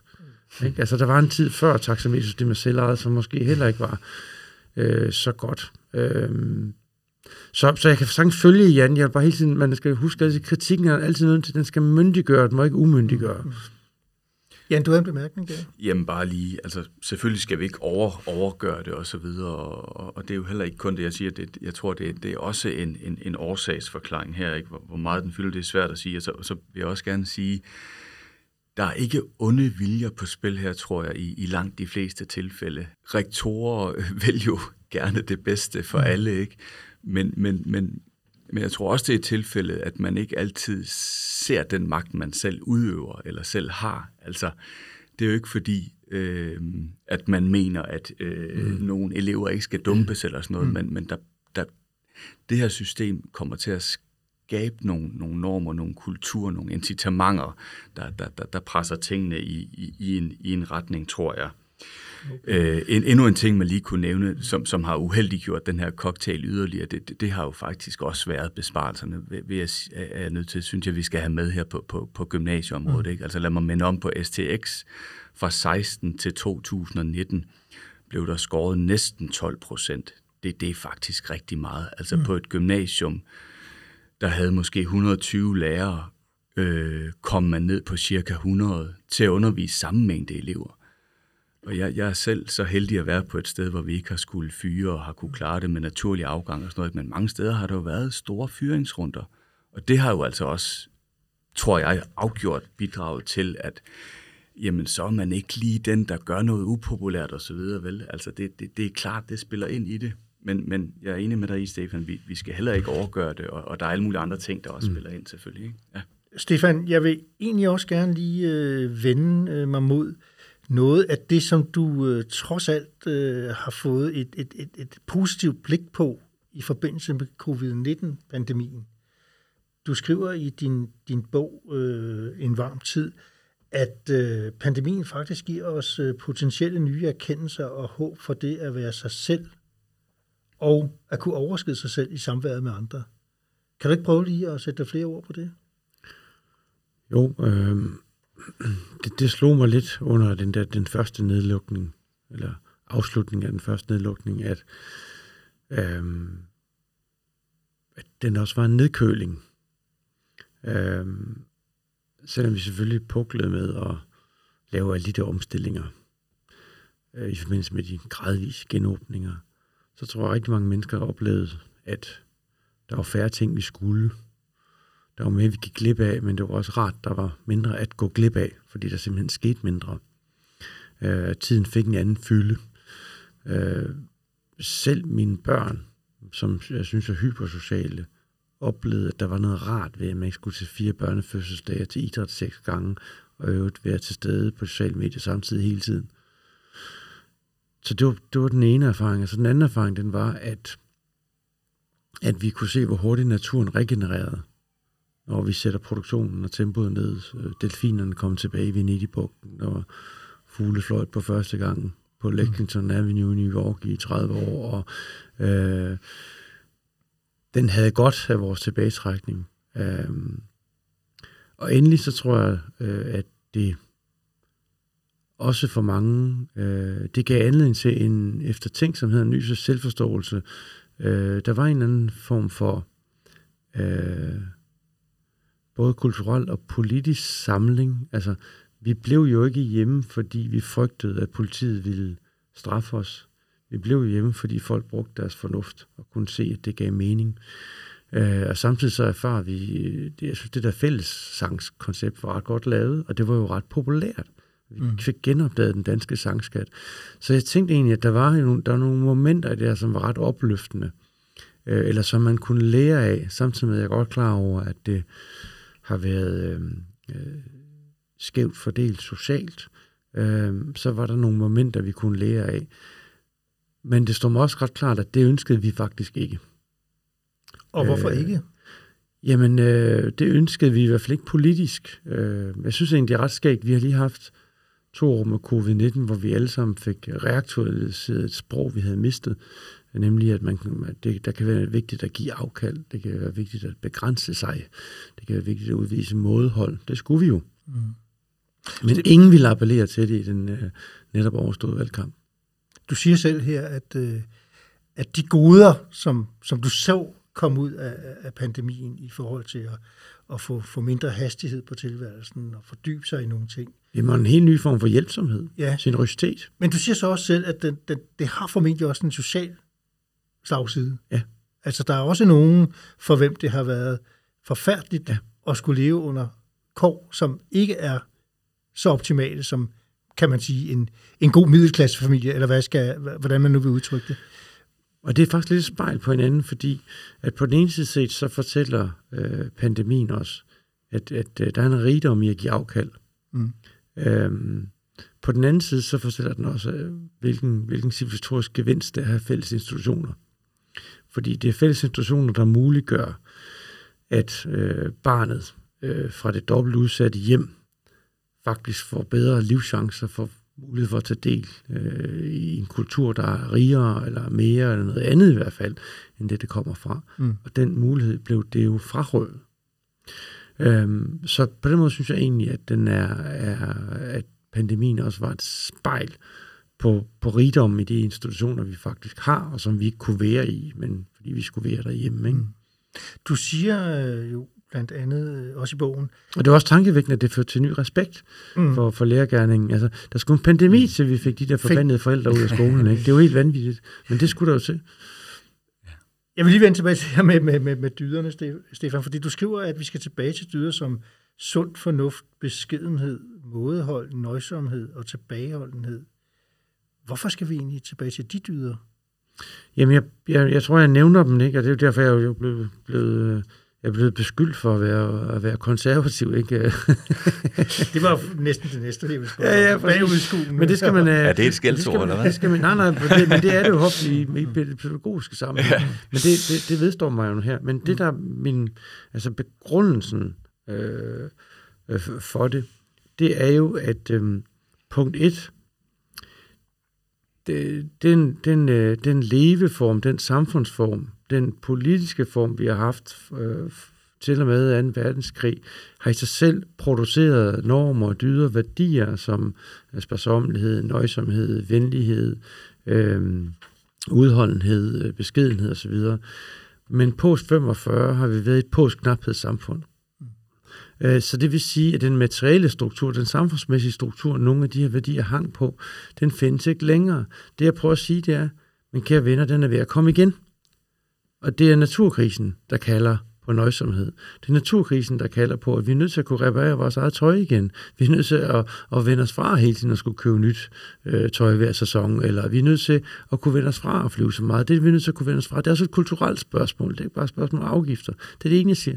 Så det andet, jeg siger, det er, at der ligger en utrolig stor demokratisk øh, og civiliserende skønhed i, at vi, øh, at vi kan øh, forbinde os til hinanden, men også afholde os fra at hvad hedder det, krænke hinanden eller befamle hinanden. At vi kan være i samme rum, uden vi skal være de bedste venner. Ikke? Der ligger en utrolig stor øh, rigdom i, at jeg skal lære at leve med mine fejl, øh, og at det, det, hvad hedder det er, er meget fint, at jeg ikke får at vide, at jeg er perfekt, men jeg kan lære på en eller anden måde at stræbe efter noget, der er større end mig selv, og finde punkt udenom mig selv. Og jeg siger egentlig, at den der, at den, der, den kreds af begreber, karakteregenskaber, dyder, øhm, har vi tabt sproget for, men det sprog har vi brug for mere end nogensinde, når det handler om vores forhold til os selv, vores forhold til hinanden og vores forhold til naturen. Og, og den gode pointe er jo i dag, at det er, at de hænger ikke på et samfund, der i sin grundstruktur er undertrykkende hvor kvinder skal en bestemt ting, hvor kroppe skal en bestemt ting. De hænger jo langt hen ad vejen øh, som muligheder i et, i et samfund, der er, er friere end nogensinde i historien. Jan, hvordan ser du på, øh, på de dyder, som, som Stefan efterlyser? Vi snakkede om øh, dyderne som, som, som sund fornuft, beskedenhed, mådehold, nøjsomhed og tilbageholdenhed. Ja.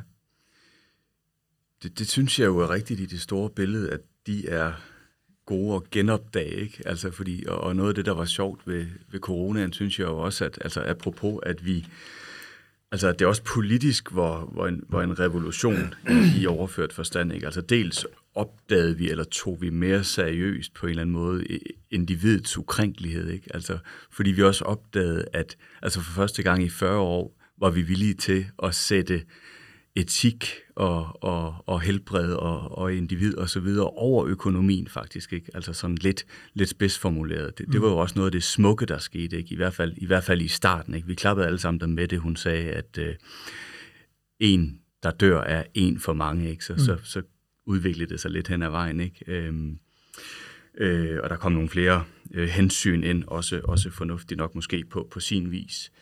Øhm, men jo, altså jeg, jeg synes, det er rigtigt med, dyd, med de dyder der, også, også i... Øh, også, også i en skolesammenhæng, ikke? Altså mm. i, hvor, hvor det også handler om at, at, at, at danne og at opøve et, et fællesskab, både på en hel skole og, og i et klasselokale. Ikke? Altså der, der synes jeg, det er rigtigt, som, som Stefan også er inde på i sin lille bog der fra 2016, er det vist ikke, altså hvor står kamp om dannelsen, at, at de der ting må være en del af om ikke dannelsen, så forudsætningerne for, for dannelse og, og, og et velfungerende fællesskab. Mm. For mig sætter det, altså point, pointen er jo, at, at jeg vil komme til at ligne sådan en bedemand, hvis, hvis de står alene. Jeg markerer dem som et korrektiv, mm. med en, en balanceforanstaltning. Uh, man kan også sige, jeg prøver egentlig at sige, at hvis mennesket skal træde ud af sin selvforskuldte umyndighed, så skal det ikke bare have mere selvstændighed. Så en del af dets myndighed må være, øh, hvad hedder det, det må være også at kunne begrænse sig. Mm-hmm. Og for mig så giver det en øh, relativt god, både filosofisk og logisk mening i, i en verden, hvor folk bliver, hvad hedder det, flere og flere, og øh, hvad hedder det, og ressourcerne bliver knappere og knappere, og vi øh, påkræver os mere og mere forskellighed. Øh, så vi er simpelthen nødt til at forstå, at, det, at, at myndighed ikke bare er vækst i trivsel, vækst i frihed, vækst i dannelse, vækst i viden. Myndighed, det er også evnen til begrænsning. Og vi, og vi har det jo faktisk i vores sprog. Ikke? Vi siger, det er jo kun, det er jo kun børn, der kan finde ud af at rydde op. Ikke? Altså, det er jo, altså, og, det, og min pointe er så, det, er, det, det har humanismen ikke kunnet finde ud af. Og det er den nødt til at finde ud af, og den har endda, altså det er meget sjovt, mådehold, ikke? Øh, mådehold er en, en, en hvad hedder det, en kardinal dyd stort set i alle verdens religioner. Men det er altid modet, eller retfærdigheden, eller kærligheden, vi fremhæver, ikke? Mm. Øh, men det er faktisk en kardinal dyd. Vi har det i vores sprog. Vi viser det hver dag. Og vi er nødt til at gøre det til en, en lidt mere ledende figur. Vi viser det hver dag. Når, ja, når du din, øh, I skal tage en bus med dine børn, så vil du helt naturligt lære dem, at de lige skal vige pladsen for en handicappet medborger. Det er jo ude i smådehold. Så det er der jo. Mm. Vi udviser også mådehold, når vi ikke bare køber meget mere mad, end vi egentlig skal have. Så det ligger der jo. Vi er bare nødt til at give det en anden øh, valør, en anden kraft. Mm. Og det, det ligger, hvis vi taler om det der med ansvarlighed og social ansvarlighed som en del af, af dannelsesbegrebet, så vil jeg sige, det der med selvbegrænsning er, er for mig at se, det ligger i det. Det, det, er, en, det er en underkategori der, ikke? Mm. Altså, så ja, vi skal genunderstrege det, ikke? Og, og, og opdyrke det. Og er det også her, Jan, i virkeligheden, at du, du, du tænker, at, at tidsånden er til at gøre det? Altså, du taler om en, en kulturkonservativ tidsånd. Mm. Jamen, det, det, det, det synes jeg, der kan være en del af det, og jeg synes også, nu, nu, nu siger Stefan, at han næsten er blevet drillet med, at han er konservativ, ikke? Altså, øh, og og det, det kan jeg godt se, hvorfor der er nogen, der siger det, ligesom mm. jeg kan se, mm. hvorfor Dorte Ågaard får det at vide, hvis hun gør det, det, det, det mener jeg nok, og, og, og Brinkmann og andre, ikke? Jamen, for mig at se, er det, er det en del af det her bredere billede, hvor, jeg vil sige, i bred forstand er der nogle konservative bevarelser, øh, bevægelser i gang. Altså konservative i den forstand, at det handler om, at vi skal ikke bare progressivt frem mod noget nyt, men vi skal egentlig genopdage noget, vi har forladt lidt. Ikke? Og der siger jeg, at øh, jamen, tidsånden er ikke kun konservativ, vil jeg sige, MeToo og så videre, mm. er, er progressive bevægelser. Klimabevægelsen kan også tolkes sådan, den kan da også tolkes konservativt, ikke? Altså, vi mm. skal ansvarligt overlevere noget, der er, ikke? Eller at vi er ved at miste, vi skal bevare noget øh, til, til, til de næste generationer. Og jeg ser det i, øh, jeg ser det i, i nogle hovedelementer i vores samfund, altså i, i, også i det religiøse. Altså for 30 år siden, der var du en idiot, i hvert fald på venstrefløjen, hvis du sagde, du, du er kristen. Ikke? Sådan, sådan er det jo ikke længere. Det er helt fint, det er lige før det næsten udtrykker en eller anden form for raffinement. Ikke? Altså der er jo flere politikere, Søren Pind og andre, der, der, der, der, der, der ligesom flager med deres kristen tro, ikke? fordi øh, vel sagtens fordi de er det, ikke? Men, men også fordi, at det næsten signalerer åndelighed og dybde og sådan noget. Ikke? Ingen vil af med kongehuset længere. Øh, efter 40 års øh, nyliberalisme eller markedsglobalisering, hvad vi nu vil kalde det, der vil vi tilbage til noget mere etisk, til noget mere nationalt, til nogle lokale fællesskaber, til at markedet ikke skal styre alting. Øh, der er ingen, der længere vil øh, revolutionere noget øh, fuldstændigt. Altså vi vil gerne bevare nogle stærke institutioner, Øh, heller ikke i enhedslisten vil de, øh, vil de tale om revolution længere, vel? de vil heller ikke ud af EU, de vil heller ikke ud af NATO. Øhm, jeg synes også, hvis vi ser i en skolesammenhæng, at, øh, at, at hele kanon-debatten og kanon-fænomenet, altså øh, det den kanon, de kanoner, vi fik ind i, i skolen og gymnasiet, der øh, ved, ved, ved Brian Mikkelsen og, og andre i, i midten af nullerne. Ikke? Altså, det er jo sjovt at se. Der er ikke ret mange, der vil af med dem længere. Også, også politi, politikken på lederplads. Altså, vi vil, vi, vil, vi vil gerne bevare en hel masse, og, og i den forstand ser jeg... Øh, Men det, det, det, den, det er de tendenser, du ser, Jan, og, og, og ser du de samme tendenser? Jamen ja, det, jeg kan sagtens, faktisk sagtens følge Jan i, i en fine aftegning af, af de konservative spor i vores, mm. vores tid. Øhm, jeg tror dog, at man skal huske på, at de ting, der øh, er til diskussion, også indvendigt hele tiden bliver diskuteret. Øh, hvad skal man sige? Kanonen bliver, bliver udsat for stærk feministisk kritik, men den består mm. og kan nu bruges i et feministisk projekt. Ikke? Her er der en konservativ institution, der kan bruges i en, en progressiv feministisk retning. Kan du ikke lige sige, hvad det er? Jeg vil sige, at øh, den, øh, jeg var jo skribent for Dansk Litteraturs kanon tilbage mm. i 2004, da man lavede den, og der havde du de her 14 forfattere, folkeviserne, det var den obligatoriske kanon, og det var kun Bliksen, der var på. Inger Christensen kan afsløre, var meget tæt på at komme mm. ind. Mm. Nå, okay. ja, der har jo været kritik for, at det, det, det, det forskat sig simpelthen, mm. hvor rige, øh, hvad hedder det, forfatterskaber vi har af kvinder og om kvinder. Øh, og den har været en meget stærk kritik. Mm. Det, men det var bare som eksempel på, at du har en konservativ institution, en kanon, som faktisk øh, så kan bruges øh, progressivt. Nå, så det, min, min, det min pointe er, det er, at man misser noget, hvis man tror, at vi alle er blevet konservative, bare lidt uden at vide det. Øh, og det, man misser, det er, at det store behov, det store behov, det handler om at reaktualisere øh, almene og universelle figurer, hvor I indenfor nogen må påtage sig rollen som autoriteter. Og almene universelle figurer, det er jo figurer som menneske og borger. Øh, og de figurer har vi det faktisk ret svært med. Mm. Øh, det er stort set den eneste, der kan tale om mennesker i dag, det er, det er præsten i kirken om søndagen. Øh, borgerfiguren er, hvad hedder det, det bliver altid i Danmark til sådan en medborgerfigur, men borgerfiguren er en vidunderlig åben kategori, men dog alligevel med både rettigheder og pligter, med forventninger og fordringer.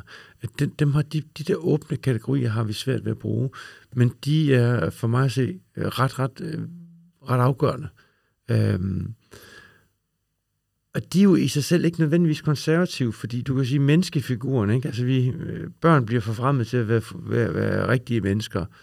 Øh, sidste forfremmelsesryg, det var afskaffelsen af revselsesretten hjemme i 97, ikke? Øh, så, så, og det er jo ikke et spørgsmål om, det er danske børn. Altså det er jo ikke et spørgsmål om, at det, det er noget, der knytter sig til den her nation, dens kultur. Det er et spørgsmål om, at de øh, bliver forfremmet til at være, være fuldstændige mennesker. Ikke? Ligesom kvinder blev forfremmet til også at være ligeværdige borgere med, med stemmeretten i, i 1915. Ikke? Så men, det er de kategorier, jeg siger, de er egentlig ufatteligt både frigørende, men de har også nogle, hvad hedder det, fordringer i sig, øh, hvad hedder det, som er samlende mere end de er splittende. Mm. Men, men, men, men Stefan, er det præsten, der, der taler om mennesket, og kan tale om mennesket i dag, nærmest som den eneste autoritet? Øhm, strider det måske lidt mod, at, at, at jeg synes, at der er mange, mange steder, der er en debat om det at være menneske? Jo, men det, det, men det, ja, det, det er jo vildt firkantet sagt, ikke? Men på den ene side set, altså det, det jeg prøver at få markeret, det er, at vi er nødt til at have ikke bare præsten, men vi er også nødt til at have politikeren, læreren, mm. træneren, til at forholde sig til ja. hver enkelt som menneske, eller som elev, som mm. borger, de der faktisk meget inkluderende roller, vi har, som vi hele tiden gerne vil komme ud af. Jeg vil ikke være menneske, jeg vil være mig selv. Ikke? Mm. Øh, jeg, vil, jeg, vil, jeg vil have behandling som mig selv over skole, når du skal have behandling som en elev. Mm. Ikke? Øh, det er din frihed, du kan få lov til at være elev. Når du kommer fra, lad os bare sige, øh, kommer fra øh, Ishøj, du er barn af, af indvandrere, og det kan være, at det er en hård vægt, så er det din kæmpe frihed, når du starter på KP, så er du studerende. Det vil sige, at vi dyrker de der inkluderende brede roller, fordi det er igennem de roller, at vi kan udøve vores professionalisme, for eksempel i skoleuddannelsessystemet. Mm. Det betyder ikke, at der ikke altid er nogen i de roller. Der er altid nogen i de roller, ikke? men det er kæmpe frihed at få lov til at være en rolle. Og det er de roller, hvor igennem, at vi kan rejse fordringer over for hinanden, uden at blive moralistiske. Ikke? Du markerer, Jan? Jamen bare lige, altså, når jeg, når jeg, når jeg bruger ordet, altså taler om, om, om, om de her konservative tendenser, så, så er det jo i, altså i en meget bred forstand, ikke? Øh, og, og, og det er jo, altså, det er jo ikke konservativt at læse øh, de forfattere, der er på kanonlisten, for eksempel. Vel? Det, det, er jo, det, er jo, det er jo snarere et eller andet pendul, der er svunget langt ud i en eller anden eksperimenterende retning, markedsorienteret retning, ikke? og, og nu, nu, nu svinger det lidt tilbage igen, som jeg ser det, netop mod noget, der har med etik og demokrati og sådan noget at gøre. Ikke? Altså, mm. Og kanonprojektet er jo altså, øh, et, også en, altså et, et, et alment dannelsesprojekt. Ikke? Mm. Øh, og man kunne også sige det der med, ja, den, den, der, der, der er noget feministisk i, jeg er selv fortaler for, at der skal flere kvinder mm. ind i den kanaliste, der har jeg også skrevet om. Mm. Øhm, man kan også kalde det et, et, et ligestillingsdemokratisk øh, projekt. Ikke? Øhm, så ja, det, det er en reaktion på nogle ting, og det, og det er noget konservativt i meget bred forstand. I meget bred forstand. Øhm, jeg vil gerne over til det, det sidste tema i, i vores, øh, i vores øh, samtale her. Det er det her, der handler om øh, øget mistrivsel blandt unge som vi ser som et, øh, et forstærket fænomen i de her år. Øhm, Stefan, øh, du skriver jo i, i din bog, øh, vi ordinerer professionel terapi, medicin og lægehjælp i lange baner, også når det angår tilværelsens uafvendelige vilkår som død, sorg og tab. Må man ikke længere have ret til at være ked af det, kunne man spørge, eller til at være i puberteten, føle sin sorg? Spørgsmålstegn. Hvad er det, du ser øh, i forhold til øh, den her stigende mistrivsel og den måde, vi går til den på i blandt andet uddannelsesverdenen? Jeg, jeg ser på den ene side nogle yngre generationer, som har en meget veludviklet sensibilitet overfor øh, dels hvordan de har det. Så har de en veludviklet sensibilitet overfor uret. Det er det ene, jeg ser.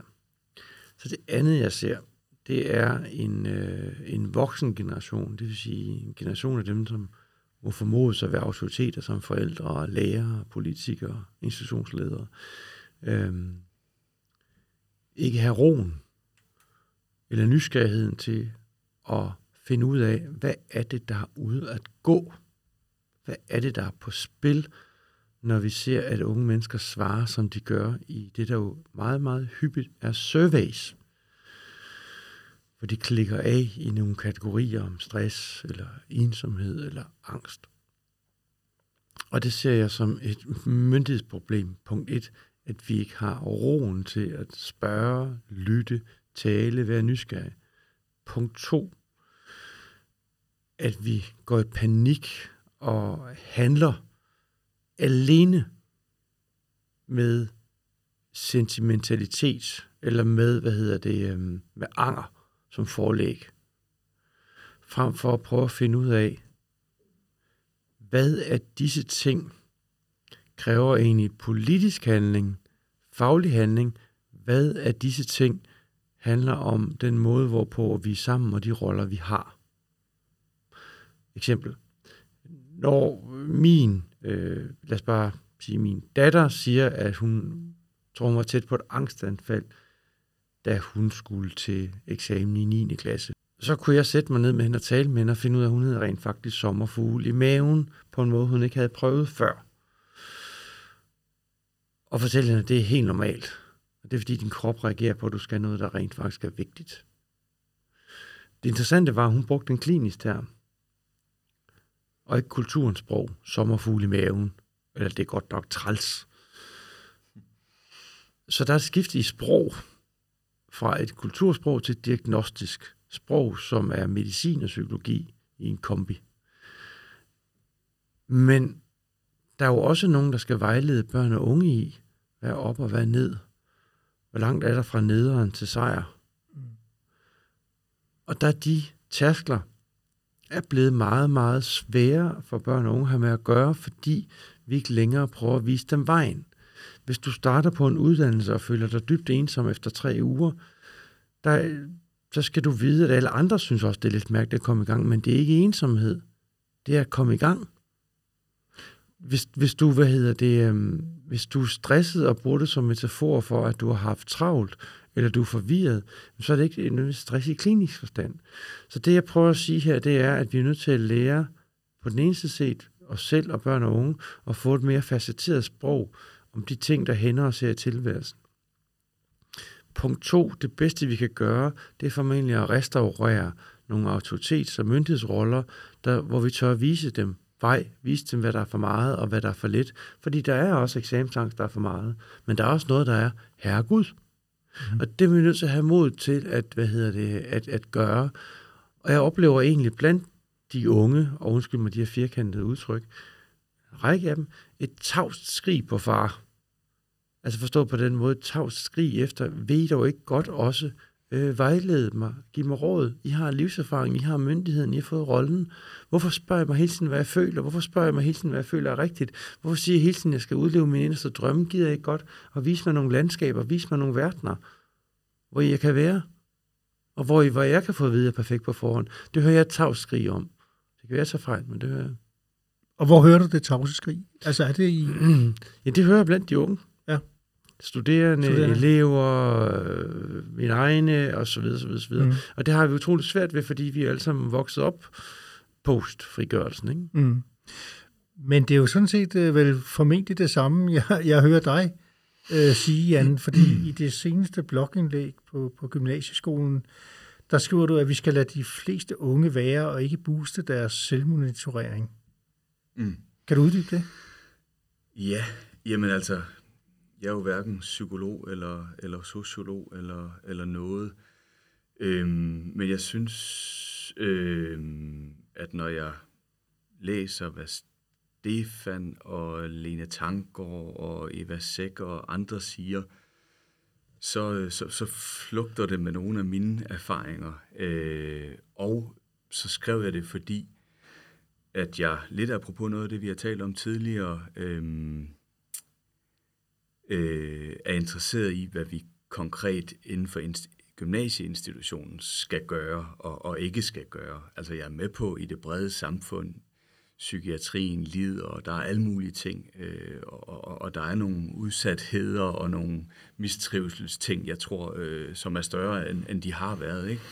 Men, men, men i forhold til, hvad vi skal gøre i gymnasiet, der tror jeg for det første, vi skal passe på med at, at gøre øh, mere af det, vi har gjort en del de sidste øh, 10-15 år, også i øvrigt i, i, i takt med øh, den her institutionsstruktur, jeg talte om før, ikke? Hvor, vi, hvor vi har været meget optaget af. Hvad skal vi gøre mindre af det, vi har gjort meget af? Vi skal, øh, jamen noget af det Stefan siger, vi, vi skal spørge dem mindre om, hvordan de har det. Vi skal også overlade mindre til dem selv. Altså, Øh, det er jo også en, en, en af de pædagogiske bevægelser, ikke, som, som jeg øvrigt synes, Merete Risser beskriver fint i sin bog, der øh, selvbygger mm. børn. Altså, vi, vi har jo sat dem rigtig meget ud øh, i, ja, i gruppearbejde. Ikke, at der er noget galt i sig selv med gruppearbejde, men de har selv så at sige skulle i høj grad skabe deres viden, selv arbejde med tingene. De har skulle innovere øh, igen apropos gymnasiereform fra 16-17, der innovere løsninger på alle mulige store ting, som, som de måske ikke har forudsætningerne for at gøre. Øh, altså det her med, at, at altså en, en, en, en, en øh, lærermyndighed, en lærerstyring har været, er der blevet skruet ned for, og der er blevet skruet op for noget, der handler om, ja, øh, i mangel af bedre ord, at eleverne selv ligesom skal være med til at skabe deres viden og sådan noget. Og det, det kan der også godt være nogle gode ting i, men jeg, jeg synes bare, at balancen er blevet for skæv. Men, men, øhm, men, men Jan, ser man ikke meget ofte også øh, danske elever i udlandet får stor credit for det her med, at man kan skabe sine egne løsninger, man kan tænke ud af boksen, for nu at bruge et fortærsket udtryk, jo. som er vel frigjort i også den måde at, at, at, at arbejde med stoffet på uddannelsen, altså om, omkring gruppearbejdet, det her med selv at kunne... Jo. Og, der, og der skal, det, det er nogle meget svære balancer, det her, vil mm. jeg sige. Øh, og og der, der skal være en blanding af det, ikke? fordi vi vil gerne skabe nogle borgere, der både selv kan tale og lytte og holde oplæg og diskutere og tænke selv og være kritiske. Alt det her men Måske vi... kunne man sige det på den måde, Jan, ikke? At, at den der, at hvor, at øhm, forskydningen fra lærerstyring til elevstyring, mm. måske for generationer blev oplevet som en kæmpe frihed. Endelig fik vi lov til at sige noget. Endelig mm. fik vi lov til at producere noget. Endelig fik vi lov til selv at vælge, hvad vi vil læse. Der er det sandt, det er, at for de unge generationer, der føles det ikke som frihed, der føles det som en byrde. Hele tiden at blive sat til at vælge, hele tiden at få flere muligheder. Øhm, så, så, så igen, her der, hvor, hvor, hvor møder øh, frigørelsen, autoritet afvæbelsen, altså påduttelsen af dem i forhold til hele tiden at være på, hele tiden at føle, hele tiden, hvor møder den sin grænse, den logik? Ja, mm. Min pointe er, at den har mødt sin grænse. Mm. Yeah. Og det er det, vi ser. Men det er også tankevækkende, at frem for, at vi så påtager os den, den myndige analyse på problemet, at så kaster vi os i gruset og laver 40 handleplaner, øh, have et nyt ministerium for mental sundhed, etc., etc., etc. Mm. Jan, du taler jo om, at øh, uddannelserne skal være et helle, hvor selvforklemmelsen skal, skal blomstre i undervisningen. Mm. Øhm, hvordan fremmer man konkret selvforklemmelsen i undervisningen? Det gør man blandt andet ved, det, der mener jo, at den enkelte lærer har, har en stor opgave her, ikke? Altså, og, og, og det, er jo, det er jo det her, der handler om, jamen, hvad er den gode lærer, og, og hvad er forholdet mellem styring, øh, lærerstyring og elevstyring. Altså det, det, det handler kort sagt om øh, noget, der er nemmere sagt end gjort, ikke? men det, det er at lave en, en, en, en, øh, en spændende, inspirerende, engagerende undervisning, der peger ud mod verden, ikke ind i eleven selv. Øh, så kan de komme på banen senere, når vi har været igennem den her Bliksen-tekst og så videre. Ikke? Så kan vi diskutere den og også kritisere den og så videre. Men, men, men det er øhm, en, en, en undervisning, der, der åbner verden for dem. Mm. Øhm, altså, og, og, og skaber den, netop skaber den selvforglemmelse her. Ikke? Og det er jo noget af det, jeg mener, vi også kan i gymnasiet, og også i folkeskolen og andre steder selvfølgelig. Øhm, åbne verden for dem på den måde. I begge to ind på, at man skal tone lidt ned på det her med at spørge til de, den enkelte unge, hvordan, hvordan har du det i dag? Hvordan ser din verden ud? Og så videre. Øhm, men der er jo også nogen i gymnasiet, nogen på mm. professionshøjskolen, som sidder med relativt massive mm. psykiske udfordringer.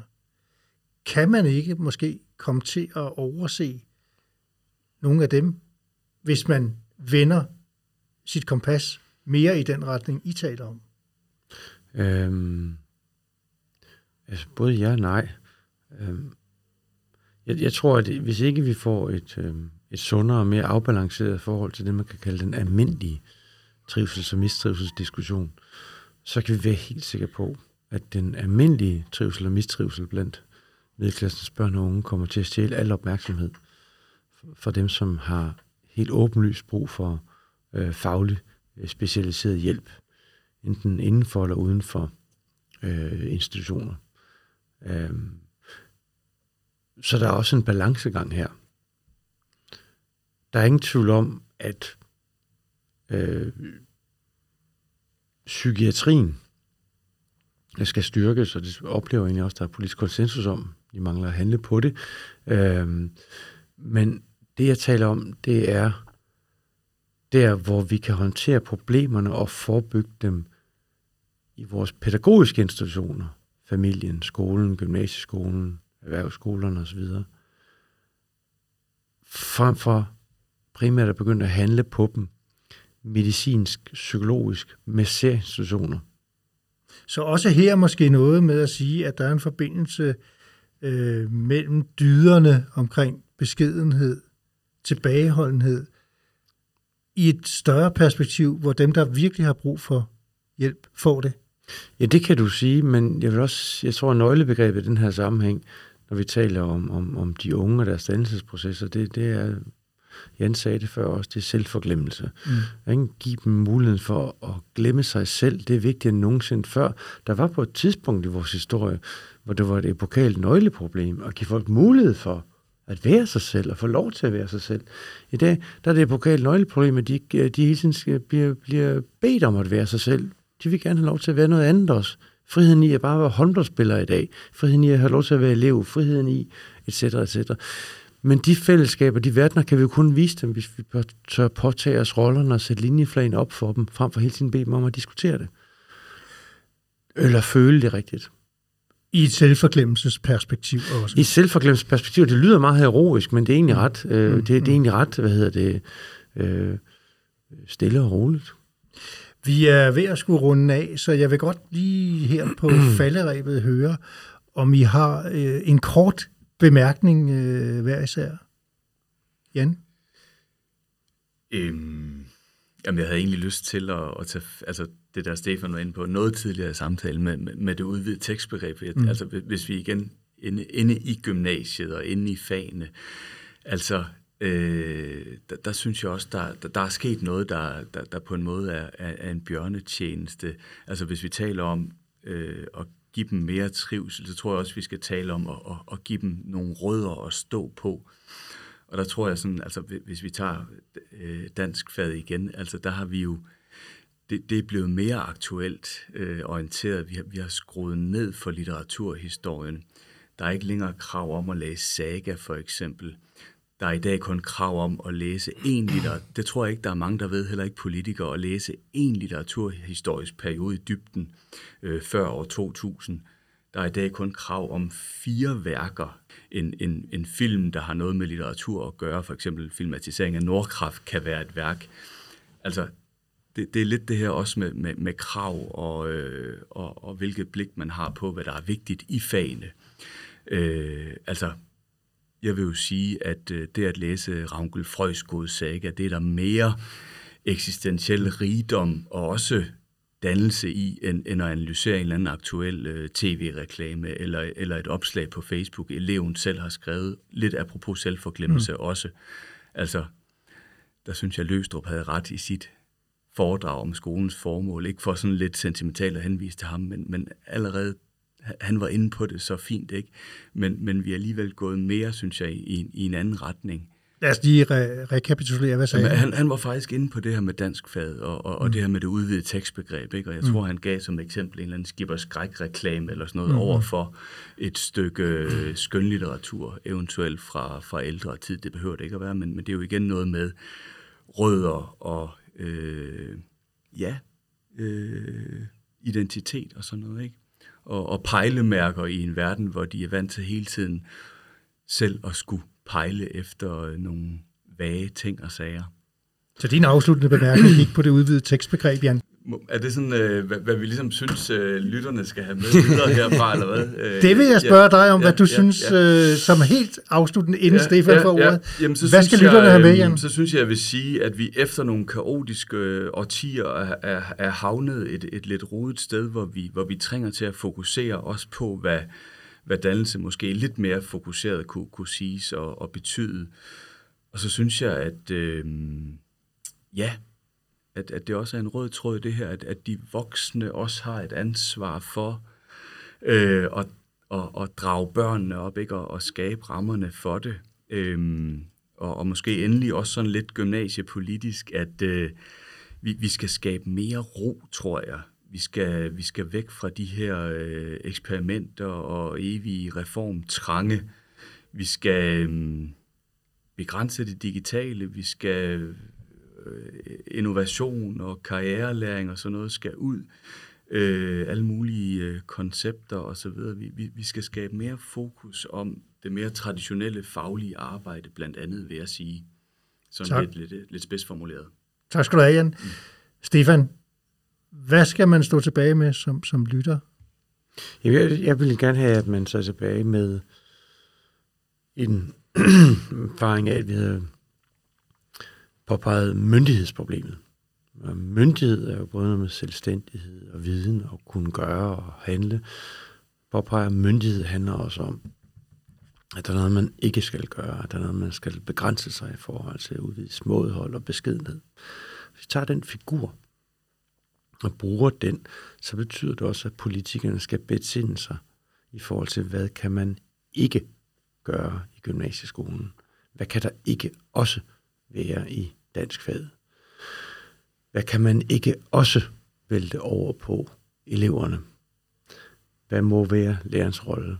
Det vil sige, at du besinder dig på nogle ting og udviser en eller anden tilpas afholdenhed. Øh, det gælder jo både politisk, det gælder også som ledelse, det gælder også som profession. At man kunne tør tage de fravalg, give de afkald. Og når man gør det, så kan man gøre det legitimt, fordi man så samtidig forbinder sig med nogle andre og noget andet, som så måske kan gøre noget af det, man ikke selv kan. Ikke? Vi, kan godt for, vi kan godt på den ene side set forebygge yderligere psykiske eller mistrivselsproblemer, men vi ved også, at vi har en psykiatri, der kan hjælpe, når der er, der er noget, der virkelig er galt. Frem for at forebygge psykiske mistrivselsproblemer, så skal vi fremme dannelse. Så det, så myndighedsspørgsmålet kræver på den ene side set, at man kender sig selv, at man kender sin rolle. Øhm, og det tror jeg er ufattelig vigtigt.